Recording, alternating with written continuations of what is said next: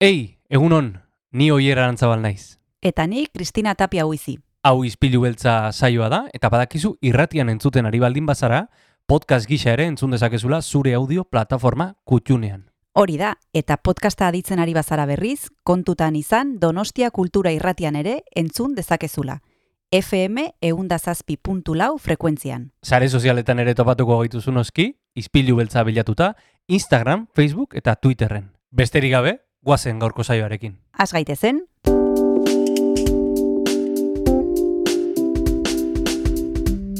Ispilu beltza.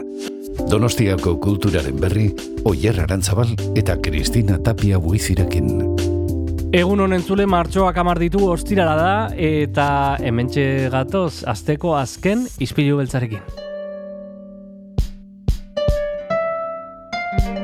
Azteko azken izpilu beltza, ostirala, eta atzo esan bezala, mm, bide horria jarrita dugu ja. bide horria jarrita dago eta badekizue ostiraletan literaturari buruz aritzen garela, gaurkoan Miguel Arina etorriko zaigu liburutegi nagusitik, aukeratu duen liburuak izena du 13 formas de mirar, idazlea da Kolum Makan, eta gainera izango dugu gurekin Luisa Etxenike idazlea, berak gidatzen baitu zita literaria izena duen ikastaroa, bertan e, liburu batzuen inguruan aritzen dira, eta kontatuko digu zergatik duen ikastaronek hainbesteko arrakasta.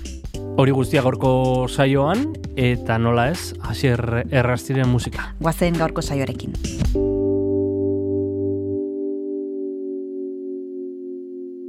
Egun honen zule, azkenean iritsi da ostirala eta badakizu, eh? Astearen amaiera honekin batera ere, gu hemen izaten garela, eh? Goizeko zortziretatik eh, amarak bitarte, eh, donostia kultura irratian.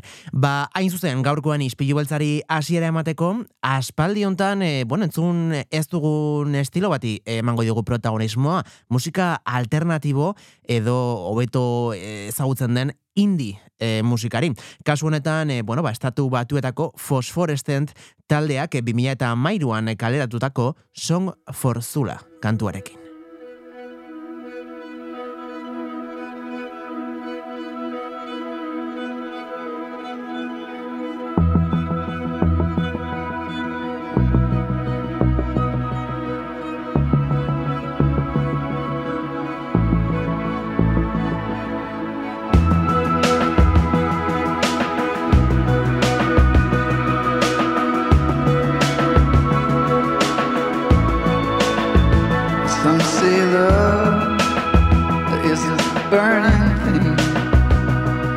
That it makes the fire ring. Oh, but I know love as a fading thing, just as fickle as a feather in a stream. See, honey, I saw love. You see, it came to me. It put its face up to my face so I disfigure me into something I am not recognizing.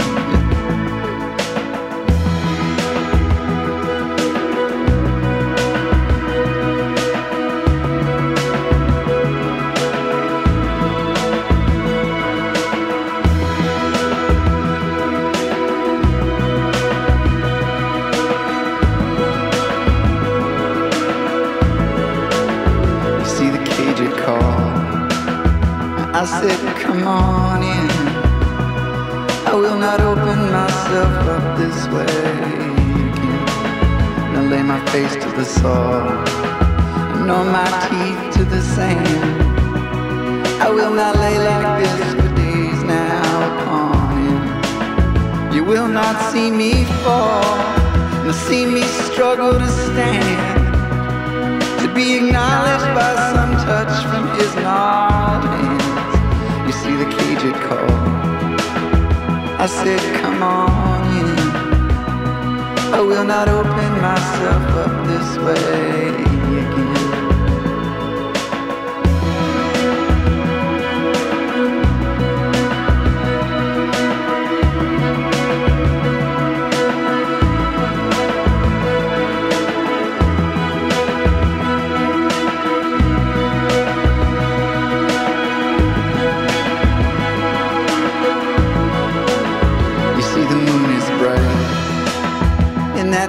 Night. I see the shadows that we cast in the cold, clean light. My feet are gold, and my heart is wide. And we race out on the desert plains all night. See, honey, I am not some broken thing. I do not lay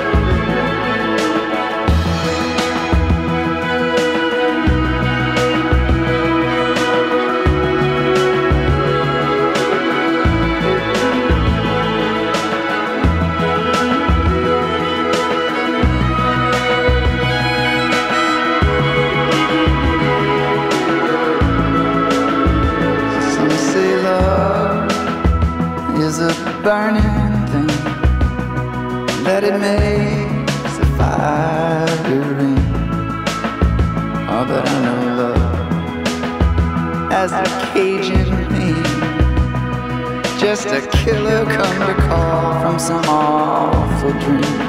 Oh, I know you folks you come to see. You just stand there in the glass looking at me, but my heart is wild and my bones are steel, and I could kill you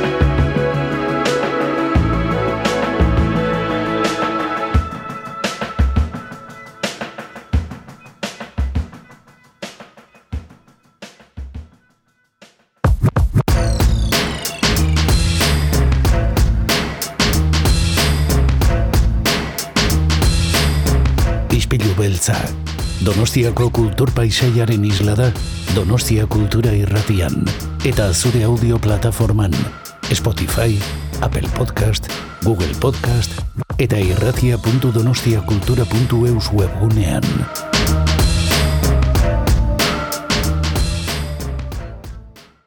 Luisa Etxenike idazle donostiarra da eta donostia kulturako egile ikastaroetan arrakasta gehien izaten duen pertsonetako bat, berak proposatzen duen ekimenak e, zita literaria izena du, itzordu litera, literario bat da, eta horren inguruan aritzeko gaur izpilu beltzara gonbiatu dugu idazlea. Egunon, Luisa, ¿qué tal estás? Hola, buenos días, pues muy bien. Muy bien. Encantada de estar Bueno. de nuevo con, con vosotros y vosotros. Pues eh, nosotros también, porque como decíamos en la introducción, Luisa, tu curso es uno de los que más éxito tiene en Donostia Cultura. Hay cursos que no salen, hay cursos que se llenan a medias y este, pues es uno de los que tiene un éxito y también nos gustaría saber en dónde crees que reside la clave de este éxito. Yo no sé si has conseguido una comunidad muy fiel, eh, si repiten son los mismos, si se, el boca a boca funciona y viene gente nueva recomendada por, por los que ya han participado. ¿Cómo, cómo, cómo lo haces para que siempre esté lleno? Bueno, no sé, yo supongo que eso es un poco, eh, es una cosa eh, compleja en el sentido de que se unen distintos factores, ¿no? Eh, Mm. con respecto a las repeticiones y a las novedades, bueno, pues eh, a lo largo del curso es verdad que a lo largo de los años hay un público eh, que es un público fiel, que, que va repitiendo Ujú. cada, cada año, pero también eh, hay incorporaciones nuevas yo creo que eso es lo ideal, ¿no? El, el que se, Mm. se renueve y al mismo tiempo que se mantenga esa, esa base de fidelidad que contribuye eh, al, al éxito del debate también, ¿no? Porque son personas Sí. que ya llevan muchos años y que por lo tanto tienen ya un conocimiento de, de literario y de y de debatir sobre literatura eh, importante. Entonces, yo creo que la, eh, la, la permanencia y al mismo tiempo la, la novedad es una, una garantía, yo diría que de calidad de- del debate.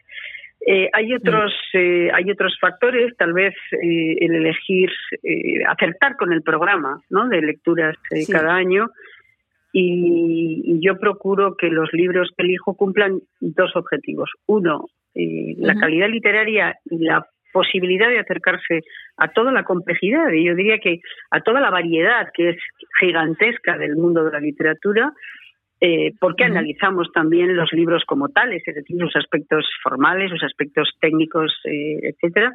En ese sentido, eh, pues el programa únicamente obras del siglo XX y XXI, digamos, no nos vamos eh, más, eh, más atrás, pero que sean obras, insisto, que nos permitan ir abundando en, en- en los debates literarios también desde dentro, desde la forma. Y por otro lado, que sean temáticas que eh, sean también contemporáneas, que nos importen, que nos importen hoy, ¿no? Y una de las características de la Mm. gran literatura es que eh, siempre acabo diciendo algo que, que es pertinente eh, para el presente, ¿no?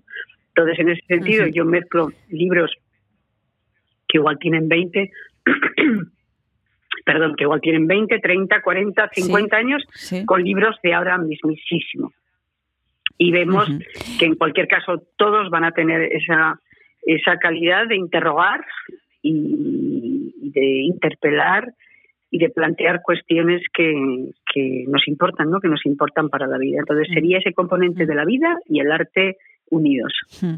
Cuando hablabas antes, Luisa, de que las, hay personas que repiten y que ya conforme han pasado los años tienen mayor capacidad de debate, ya son personas que, bueno, conocen un poco la dinámica, eh, lo que tú propones y también, pues, un, mayor, eh, una mayor mochila, ¿no?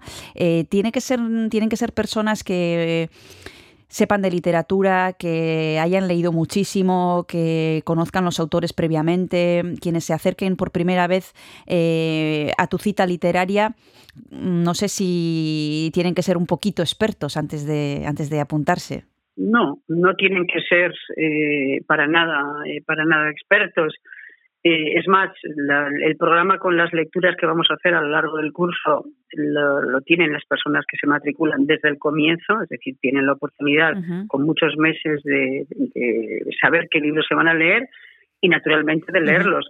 Incluso si no leen el libro pueden acudir. Eh, La cuestión es que Mm, no vas a debatir igual sobre, sobre un libro y Claro. las temáticas que plantea si no lo, si no lo has leído, ¿no? Yo no mm, creo que no es una cuestión, yo creo que la literatura no es una cuestión de ser experto. Eh, es- yo creo que es una cuestión de leer con una forma de curiosidad, con una forma de ambición en ese sentido, ¿no?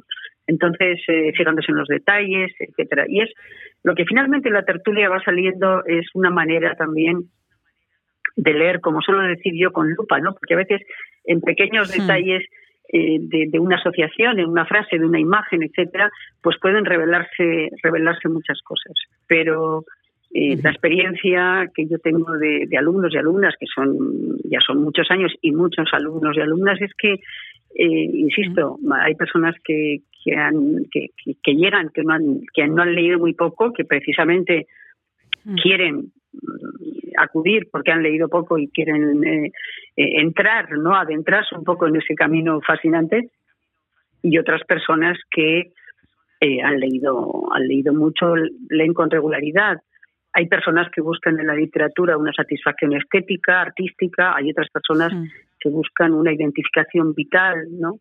Hay otras eh, personas que de algún modo eh, encuentran palabras en los libros para decir sus propias vivencias, ¿no? Entonces, en ese sentido, el, Mm, el, mm. el abanico es, eh, es amplio y yo tengo siempre en cuenta eso, ¿no? La diversidad de personas que, que acuden.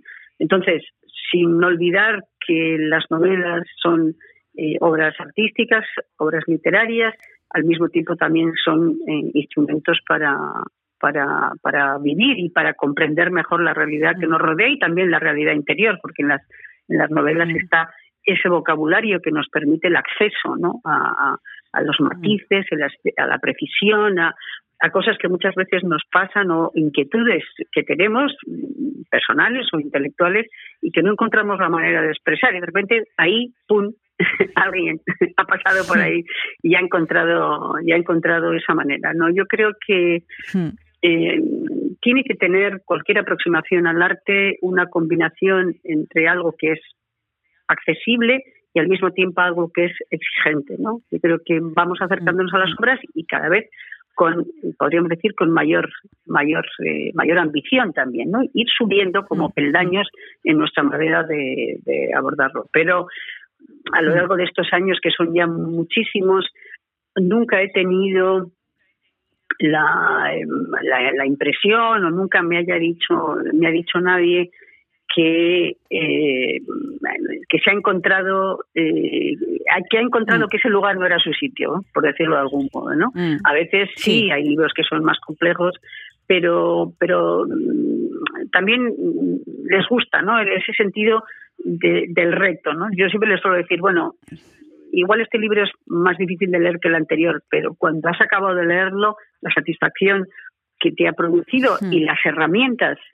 tanto personales como, como literarias que tienes, también son también son mayores. Yo creo que aplicado a cualquier orden de la vida, ¿no? Si subimos a un día, pues sí, nos produce una satisfacción. Si subimos al Chindoki ya nos produce una satisfacción mayor, pero bueno, ya si vamos eh, a montes de, de mil o de dos mil, o ya empezamos a sentir que, que estamos eh, que estamos mejorando y el panorama que se ve desde allá arriba también es distinto. Bueno, pues esto es lo mismo. ¿no? Entonces, yo creo que y yo les acompaño en cada una de las etapas y voy acompañando a cada a cada lector y a cada lectora porque nos vamos conociendo no con el paso de, del tiempo y con el paso del curso vamos acompañando eh, las las, eh, las inquietudes y tratando de responder a las interrogaciones de, de, de, cada uno y de cada una no es verdad eh, también que para eso es una tertulia para poner en común. Entonces salen muchas eh, muchas opiniones también muchas interrogaciones también división de opiniones, porque hay personas que, que, aprecian de una manera distinta u otra, o las temáticas, o, o, lo que sea. ¿no? Entonces, para eso es la tertulia y yo creo que el éxito estriba también en eso, ¿no? Entre una especie de equilibrio entre, entre ir subiendo eh, montes cada vez más altos y al mismo tiempo eh, hacerlo entre todos, es decir, irnos acompañando para que quienes tienen menos experiencia puedan seguir el ritmo, quienes tienen más experiencia eh, tengan también esa capacidad de transmisión de lo que saben. Ahora mismo vamos a seguir hablando con Luisa Echenique sobre todas las cosas que nos ofrece un libro, que parece algo muy sencillo, pero Luisa nos ha enumerado solo algunas de ellas y es mágico todo lo que nos propone una lectura, pero nos vamos a tomar un descanso y continuamos ahora mismo con ella.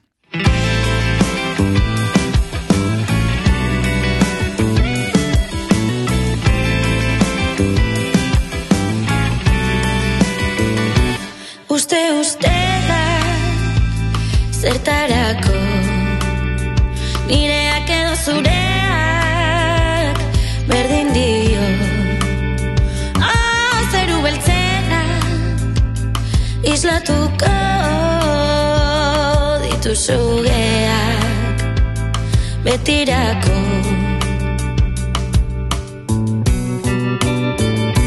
Bide xumeak beti erakutsiko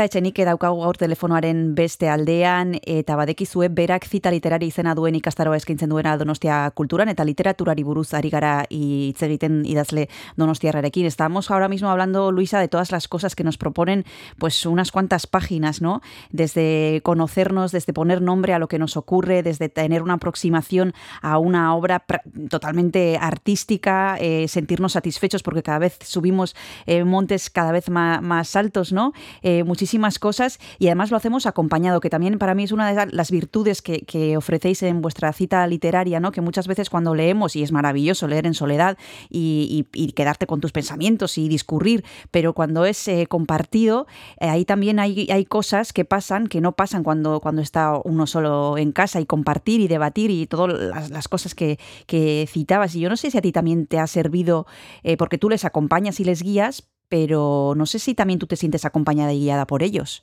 Eh, Naturalmente, porque se va creando una, una comunidad de lectura también, ¿no? Y que muchas veces trasciende los límites de los eh, de lo que es propiamente la tertulia o la reunión, ¿no? Entre las Mm. personas que que acuden y mm, se van tejiendo lazos de, también de otro tipo, de, de- en algunos casos de amistad, en otros de compañerismo, en Mm. otros de solidaridad, Mm. Eh, etcétera. Y sucede lo mismo conmigo. O sea, yo siempre les digo, ¿no? Yo soy de, de esto sé más porque lo trabajo de otra de otra manera, ¿no? Pero aprendo muchísimo de, de los puntos de vista de los demás. eh, ellos aprenden también de mi punto de vista.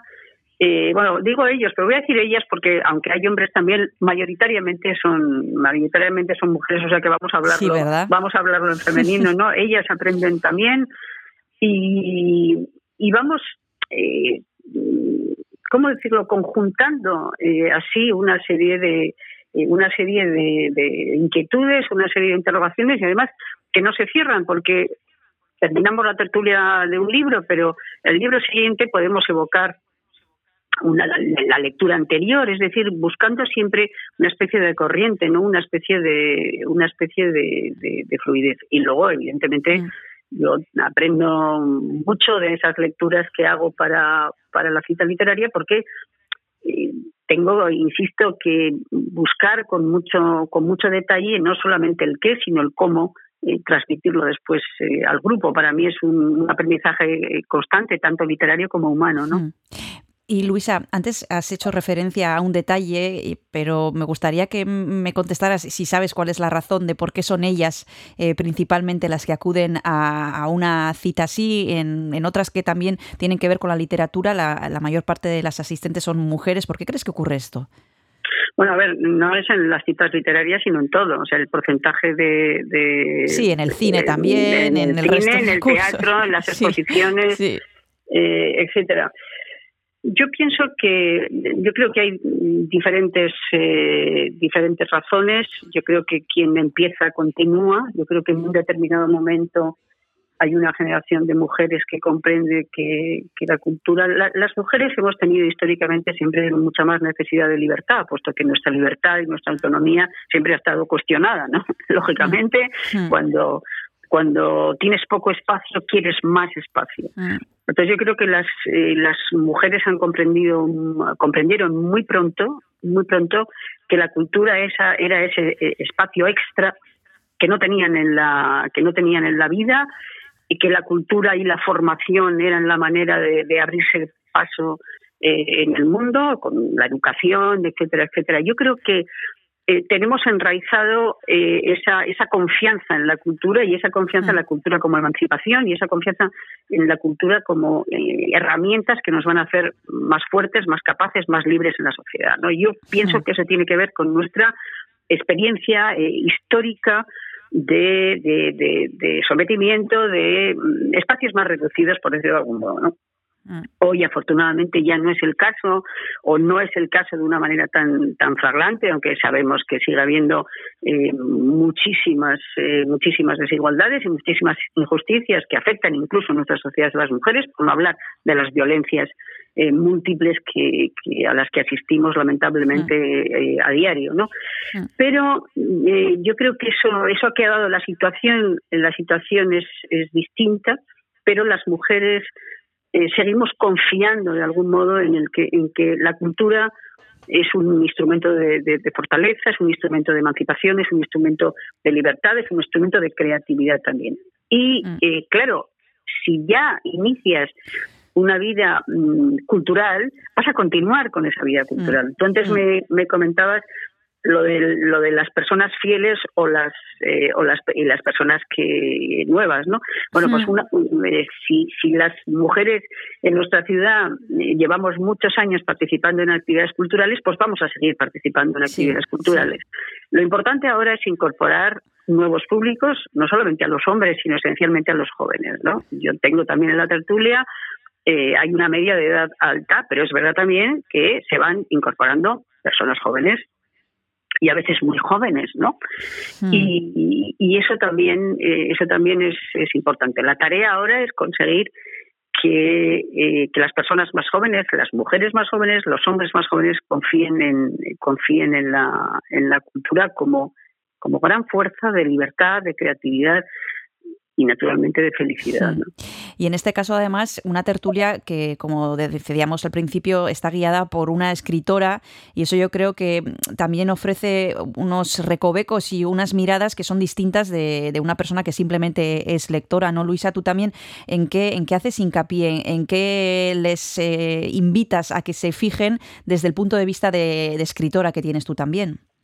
Claro, eh, yo siempre suelo decir aquí, vamos a, hombre, evidentemente eso es más evidente en otros cursos que doy, como el taller de escritura creativa, Hmm, ¿no? Sí. Pero yo les suelo decir, nosotros eh, vamos a leer como como comensales que se sientan a la mesa Eso a comer y a disfrutar, pero también nos vamos a meter en la cocina, ¿eh? Donde donde los platos se hacen, ¿no? Entonces hacemos esa combinación de cocina, de les, les, les, eh, a veces les digo, ¿por qué creéis que esto está aquí? No, y a veces son cosas que te parecen muy obvias de la historia, pero también tienen otras razones, digamos, las- esas estructuras eh, internas, razones de intriga, razones de coherencia de los personajes. Entonces yo les meto también en la cocina y luego, naturalmente, salimos al comedor a, a- a disfrutar de- del plato, pero yo creo que esa, esa combinación es importante y tampoco en una tertulia de estas características, no saturar la parte de cocina, digamos, Hmm. pero tampoco eh, tampoco eliminarla del todo, Claro. ¿no? Porque la porque el arte siempre es fondo, pero también es forma, ¿no? Entonces esa eh, lo van comprendiendo. eh, tenemos ahora una novela de Mohamed Shukri para para el mes de marzo. Es una autobiografía de alguien que empezó siendo es un eh, autor marroquí eh, un, un niño pobre analfabeto no y de algún modo la eh, se convirtió en maestro con 21 años imaginaros qué, qué recorrido no Mm. entonces el, el hecho de que sea su propia mm, autobiografía escrita tiene ya un valor simbólico extraordinario para él no eh, ser capaz de contarse, de contar su propia historia, su propia versión de la historia con sus propias palabras. Ahí, por ejemplo, todo ese trabajo de la autobiografía es importante, no es simplemente un narrador que cuenta algo, ¿no? Es todo un proceso eh, de, de escritura que tiene unas, eh, unas implicaciones de fondo y forma extraordinaria. Alguien que primero lo vive y que después lo escribe y lo va a escribir con esa, ¿cómo decirlo?, esa naturalidad, esa credibilidad, esa vitalidad de, de lo que ha sido una experiencia real, ¿no? Entonces, mm. bueno, pues hay que ir metiéndose un poquito en la cocina de por qué los narradores son así, por qué se cuenta en pasado y no en presente, pero insisto, sin saturar y al mismo tiempo que eso sean un poco como las las, las especias, la sal y la pimienta que también eh, hacen más agradable después la, eh, el plato. ¿no? bueno, pues estas son algunas de las cosas que propone Luisa Echenique en su cita literaria. Van a hablar de cocina, van a hablar de montaña también, porque se trata de subir cada vez montañas más altas, un montón de cosas las que nos propone eh, la escritora Donostierra en esta cita que, pues como siempre, tiene un éxito tremendo. Y aquí hemos hablado de algunas de las claves de, de por qué eso ocurre. Muchas gracias, Luisa, por haberte acercado de nuevo a Ispillo Elsa y un abrazo muy grande. Hasta la próxima. Gracias eh, a vosotros y a vosotros. Un abrazo. Agur. Agur.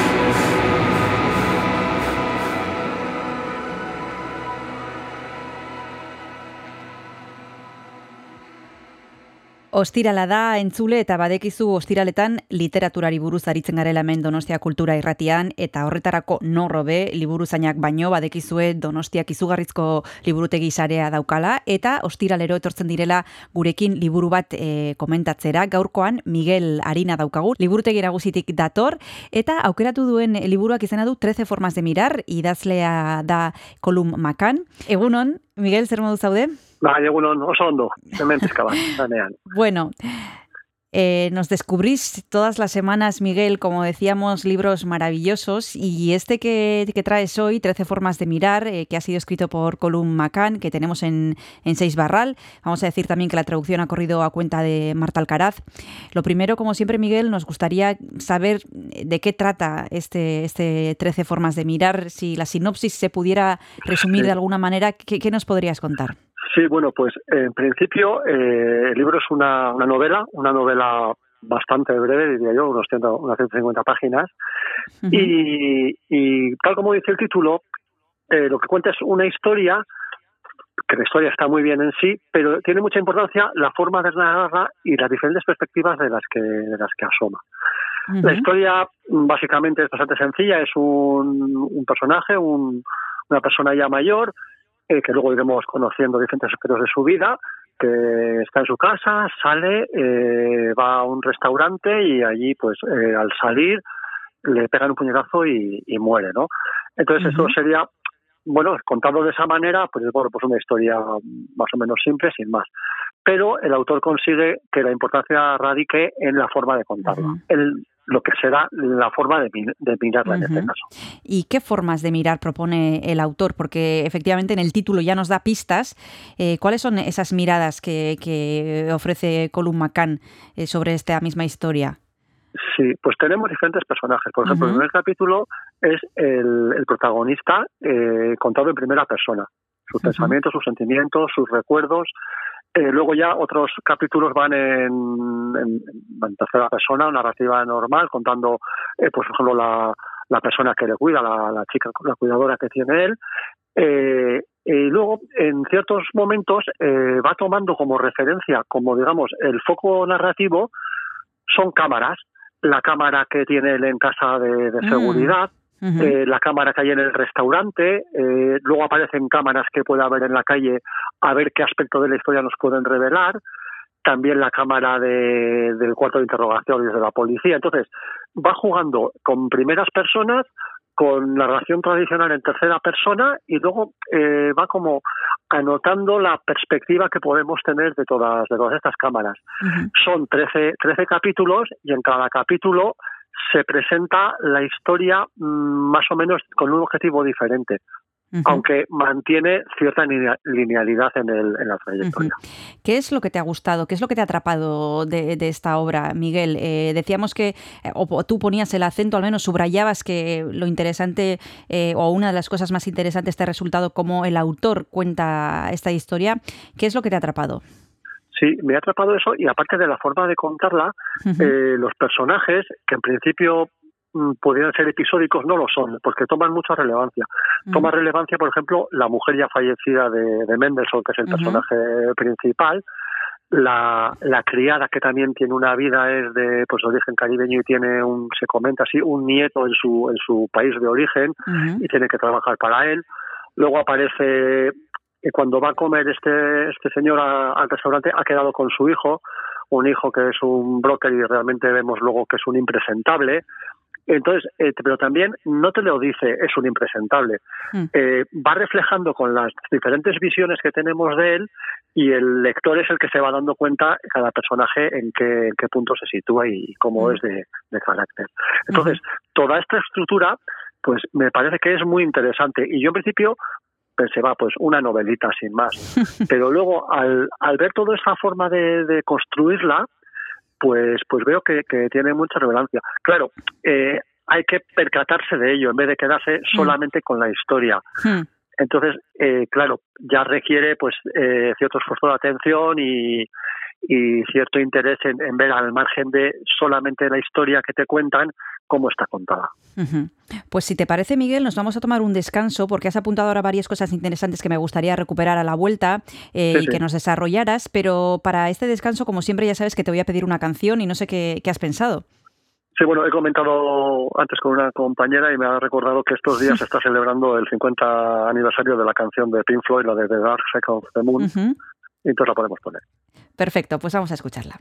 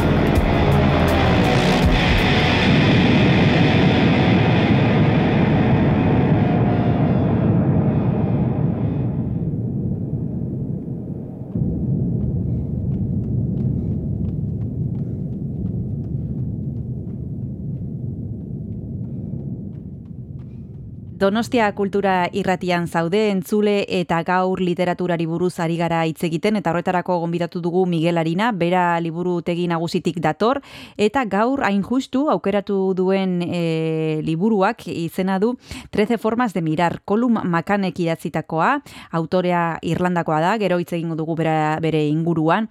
Miguel, justo antes de tomarnos este descanso has mencionado una cosa interesante, has dicho, eh, bueno, no hay que quedarse en lo superficial, tenemos que reparar también en la forma y para eso necesitamos hacer un ejercicio eh, bueno, de concentración y esforzarnos un poco. ¿Eso significa que nos va a costar, que va a ser un libro que nos va a resultar difícil eh, su lectura?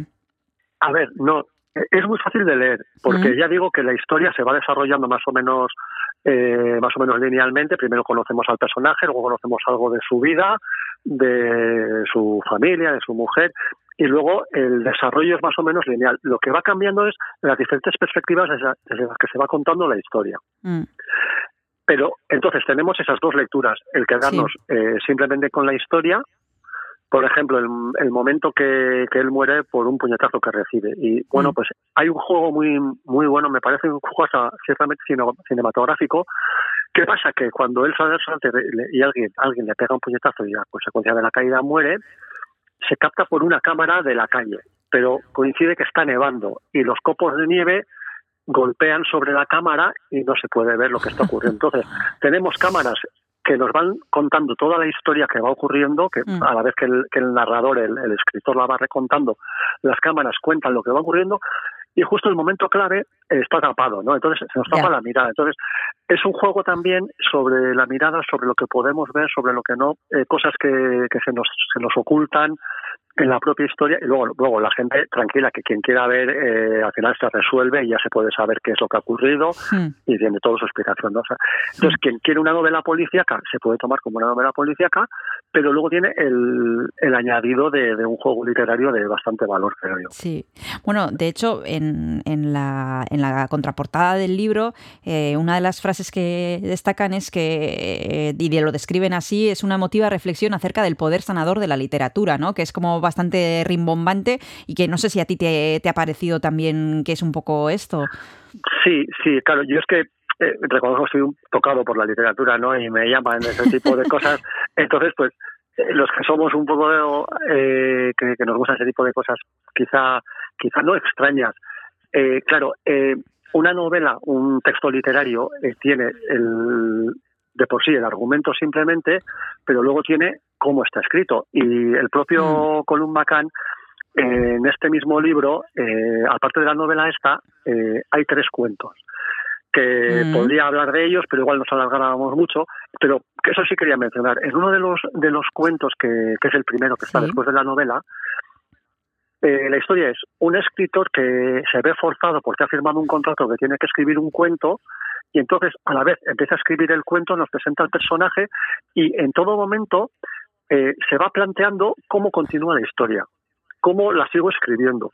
Entonces, el, el, el juego que, que ofrece la literatura es que eh, el escritor, desde el momento que está escribiendo, en cada, en cada línea, en cada párrafo, decide por dónde va a ir la historia. O sea, no, no está prefijado de antemano todo el argumento cuando lo vamos leyendo. Entonces, hay ciertos autores que mm, más o menos siguen una línea bastante bastante normal, por hacer de alguna manera, pero luego hay otros autores que nos van sorprendiendo en cada momento. Pero claro, el escritor en el momento que va escribiendo va decidiendo por dónde lleva, por dónde lleva su historia. Eh, puede jugar a, a sorprender, a empatar o, o simplemente a, a dar tranquilidad, ¿no? Mm. Estos tres em, cuentos que están al final, eh, Miguel, ¿son vinculados con la historia que nos acabas de contar, con 13 formas de mirar, o son independientes? Son independientes, no tienen nada que ver. No tienen nada que ver. Pero yo creo que la, la, el próximo mes eh, cogeré un libro de, de relatos, de cuentos, y podemos hablar de, de la literatura, de, de los relatos que tienen, que son una literatura de tanto valor como las novelas, a pesar de que la novela en sí, pues parece que es literatura con mayúsculas, ¿no? Pero hay cuentos que son tan buenos que como puede ser una novela. Sí, sí, bueno, y hay muchísimos defensores de los relatos que prácticamente eh, solo, solo leen relatos. Por aquí hemos tenido varios autores que los defienden muchísimo, a pesar de que así a priori parece algo menor, como cuando en, la- en el cine también los cortos, eh, bueno, se ha considerado muchísimo tiempo, pues eh, que no está al nivel de, de- de un largo, ¿no? Eh, vale, te- me apunto que para la próxima cita, Miguel, eh, nos traerás un libro de relatos. Esperaremos con ganas, pero primero vamos a terminar de hablar de 13 formas de mirar, que es el libro que has escogido Sí, sí. para hoy, de Colum McCann. Si te parece, nos vamos a tomar el segundo descanso. Para el primero nos has escogido una canción de Pink Floyd. Eh, para el segundo, ¿qué nos propones? Pues una canción que a mí me gusta mucho, que es de Mid Love, es The Rangers for Love. Perfecto, pues vamos a escucharla.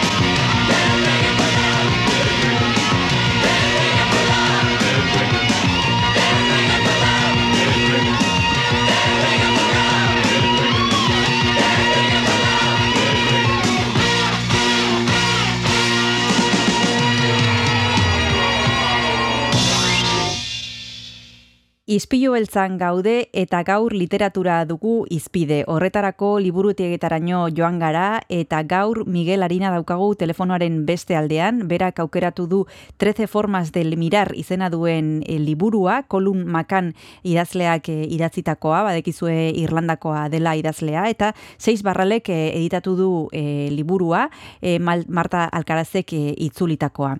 Estábamos hablando de este libro, de 13 formas de mirar, un libro que te ha sorprendido mm, tanto por la historia también y sobre, y sobre todo y también por la forma. El lenguaje, Miguel, que podemos eh, encontrar en, esta novela, ¿cómo es? Eh, ¿Es un lenguaje sencillo? ¿Es un lenguaje eh, bueno que nos va a requerir de tener el diccionario cerca? Mm, diccionario no hace falta tenerlo cerca, pero hay que tener atención, porque, porque tal como está contado, entran dentro de, la linealidad de la historia del argumento, eh, hay bastantes apuntes que pueden darnos datos sobre el pensamiento del autor, de los personajes, de cómo entienden el mundo, y son muchos personajes ya digo, está el hijo, luego está la gente del restaurante, pues el dueño del restaurante, el camarero, y todos van interviniendo y todos eh, entran tanto su, su presencia como personaje dentro de la historia, pero como su forma de pensar. Mm. Y se van, se van pues eh, contrastando unos con otros, hay diálogos bastante acertados, eh, y muchas veces en un diálogo no hace falta más explicaciones, pero luego el lenguaje del autor también explica. Hay que estar atento, pero es eh, no nos falta diccionario ni, ni hace falta tener un- una tesis de filosofía para entenderlo. Son cosas eh, importantes, pero, pero comprensibles totalmente. Bueno, vamos a hablar un poquito del autor, que como hemos dicho al principio es un autor irlandés, Colum McCann, eh, nacido en el año 65 y que tiene a sus espaldas seis novelas y tres libros de relatos y ha obtenido algunos de los galardones más prestigiosos eh, que se pueden obtener en la literatura y su obra ha sido traducida a más de 35 idiomas. Eh, bueno, ha tenido el National Book Award y el Dublin Impact Prize. Bueno, un autor con una trayectoria bastante interesante. Yo no sé si le conocías, Miguel, y si has tenido ocasión de leer algo más. No le conocía, había oído hablar de él, había oído hablar de su nombre, pero, pero no lo conocía. Y de él eh, ahora no, no he leído, pero he estado informándome la última novela que publicó, que me parece muy interesante, y claro, está ligada con, con el resto de su obra. Eh, en el sentido de que él, eh, todo lo que ocurre en el mundo, en cierto modo, el mundo se hace, se hace pequeño y las nacionalidades, los países, la gente se mueve de un país a otro y todos tenemos fundamentalmente los mismos problemas, las mismas inquietudes y las mismas alegrías, ¿no?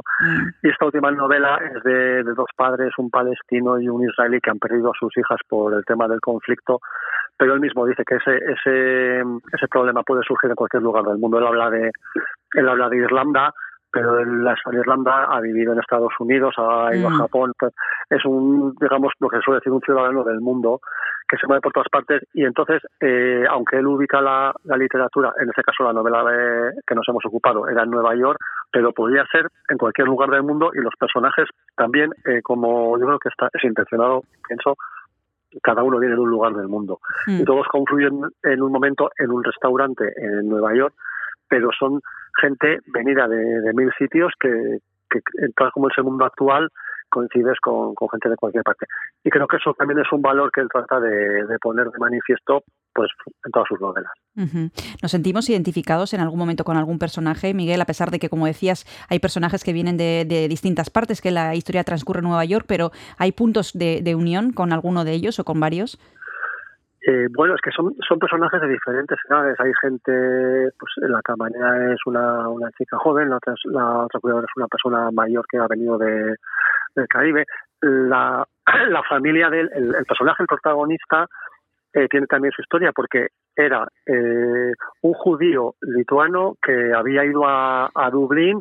En Dublín había conocido a la que luego fue su mujer, pero él se fue a la guerra, luego se fue a Estados Unidos. Luego, o sea, eh, juega a mover a la gente por el mundo como personajes y luego se produce una confluencia en un lugar en un momento dado donde puede transcurrir una historia. Entonces eh, tiene de bueno que es gente eh, gente diferente, no no es una historia de una sola clase social como podría ser yo creo, Scott Fitzgerald, ¿no? que era la Hmm. clase alta Hmm. norteamericana de esa época.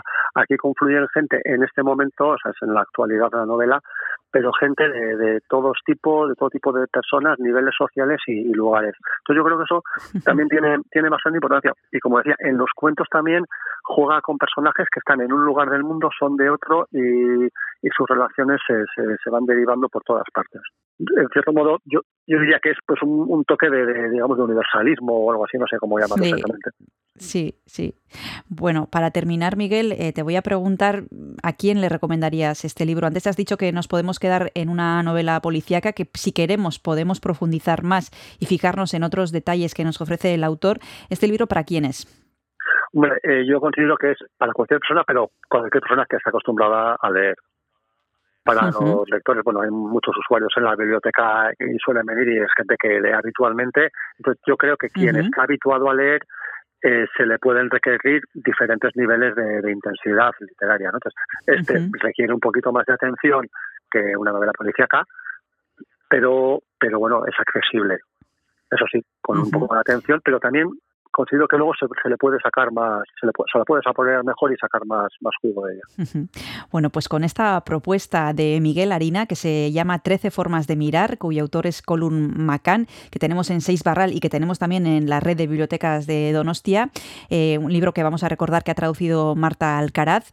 Eh, Nos vamos a despedir de Miguel Arena, que ya hemos apuntado, tomamos nota de que el próximo, la próxima recomendación va a ser un libro de relatos. Esperamos con ganas que, que llegue tu turno, Miguel, y muchísimas gracias por haberte acercado, como siempre, a Donostia Cultura y Ratía. Un abrazo muy fuerte y hasta la próxima. Hombre, gracias a vosotros, un placer. Agur. Agur.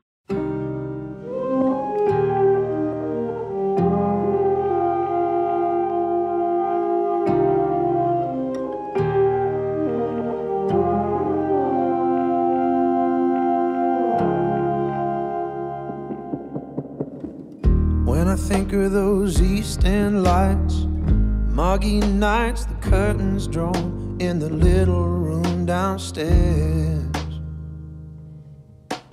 Prima donna, Lord, you really should have been there. Sitting like a princess perched in her electric chair. And it's one more beer, and I don't hear you anymore. We've all gone crazy lately. My friends out there rolling around the basement floor.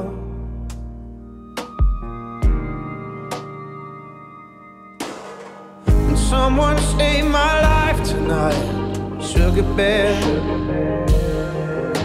You almost had your hooks in me, didn't you, dear? You nearly had me roped and tied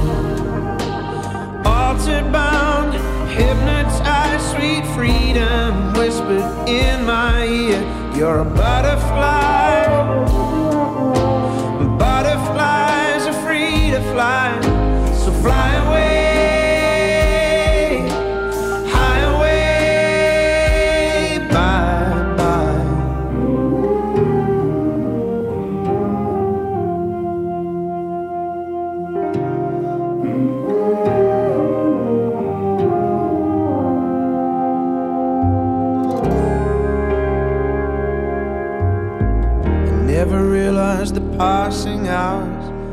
evening showers, a slip noose hanging in my darkest dreams.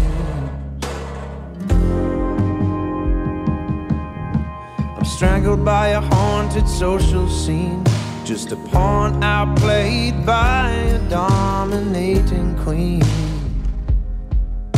It's four o'clock in the morning. Damn it, listen to me good. I'm sleeping myself tonight. Saved in time, thank God my music's still alive.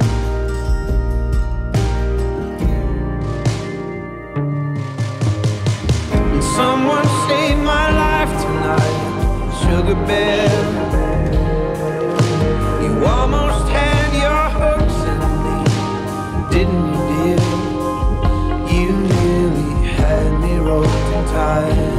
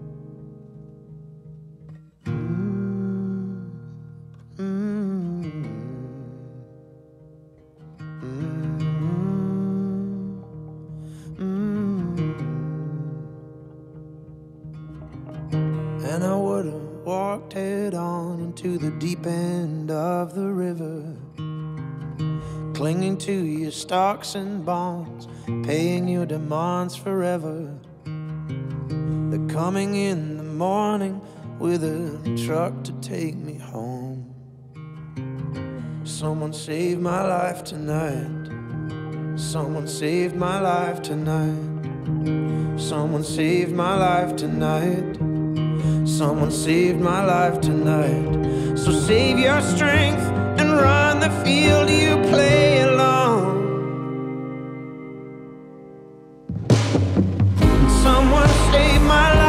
Life Sugar Bear. You almost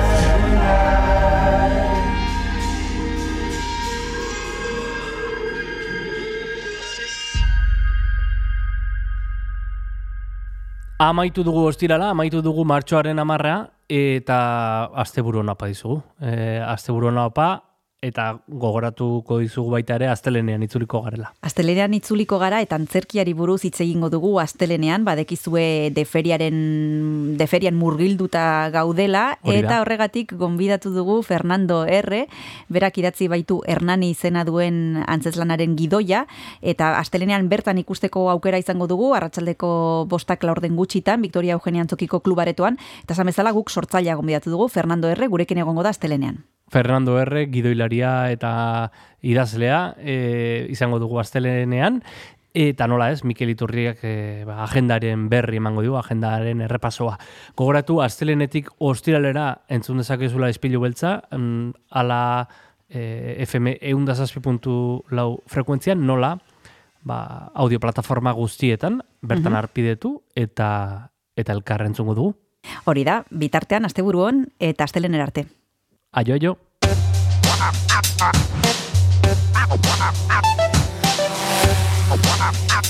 Donostia Kultura Irratia. Zabaldu gurekin Donostialdeko kulturaren leioa.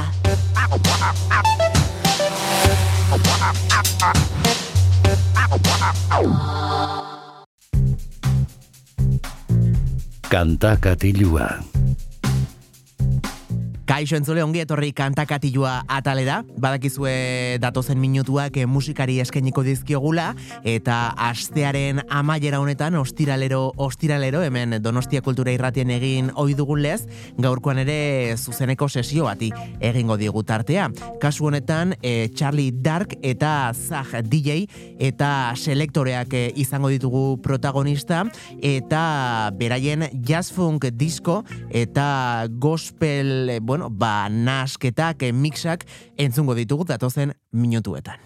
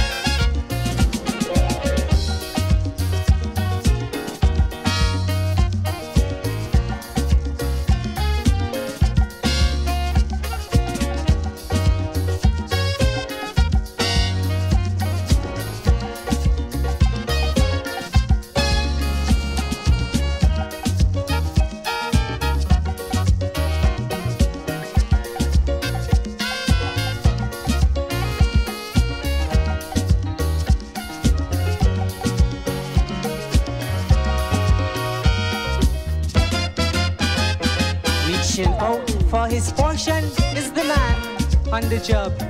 Now here's a man of action, he works for the mob. Say, well, I make it 50-50, don't you be no crooked guy. Or your debt shall be a mystery for the FBI.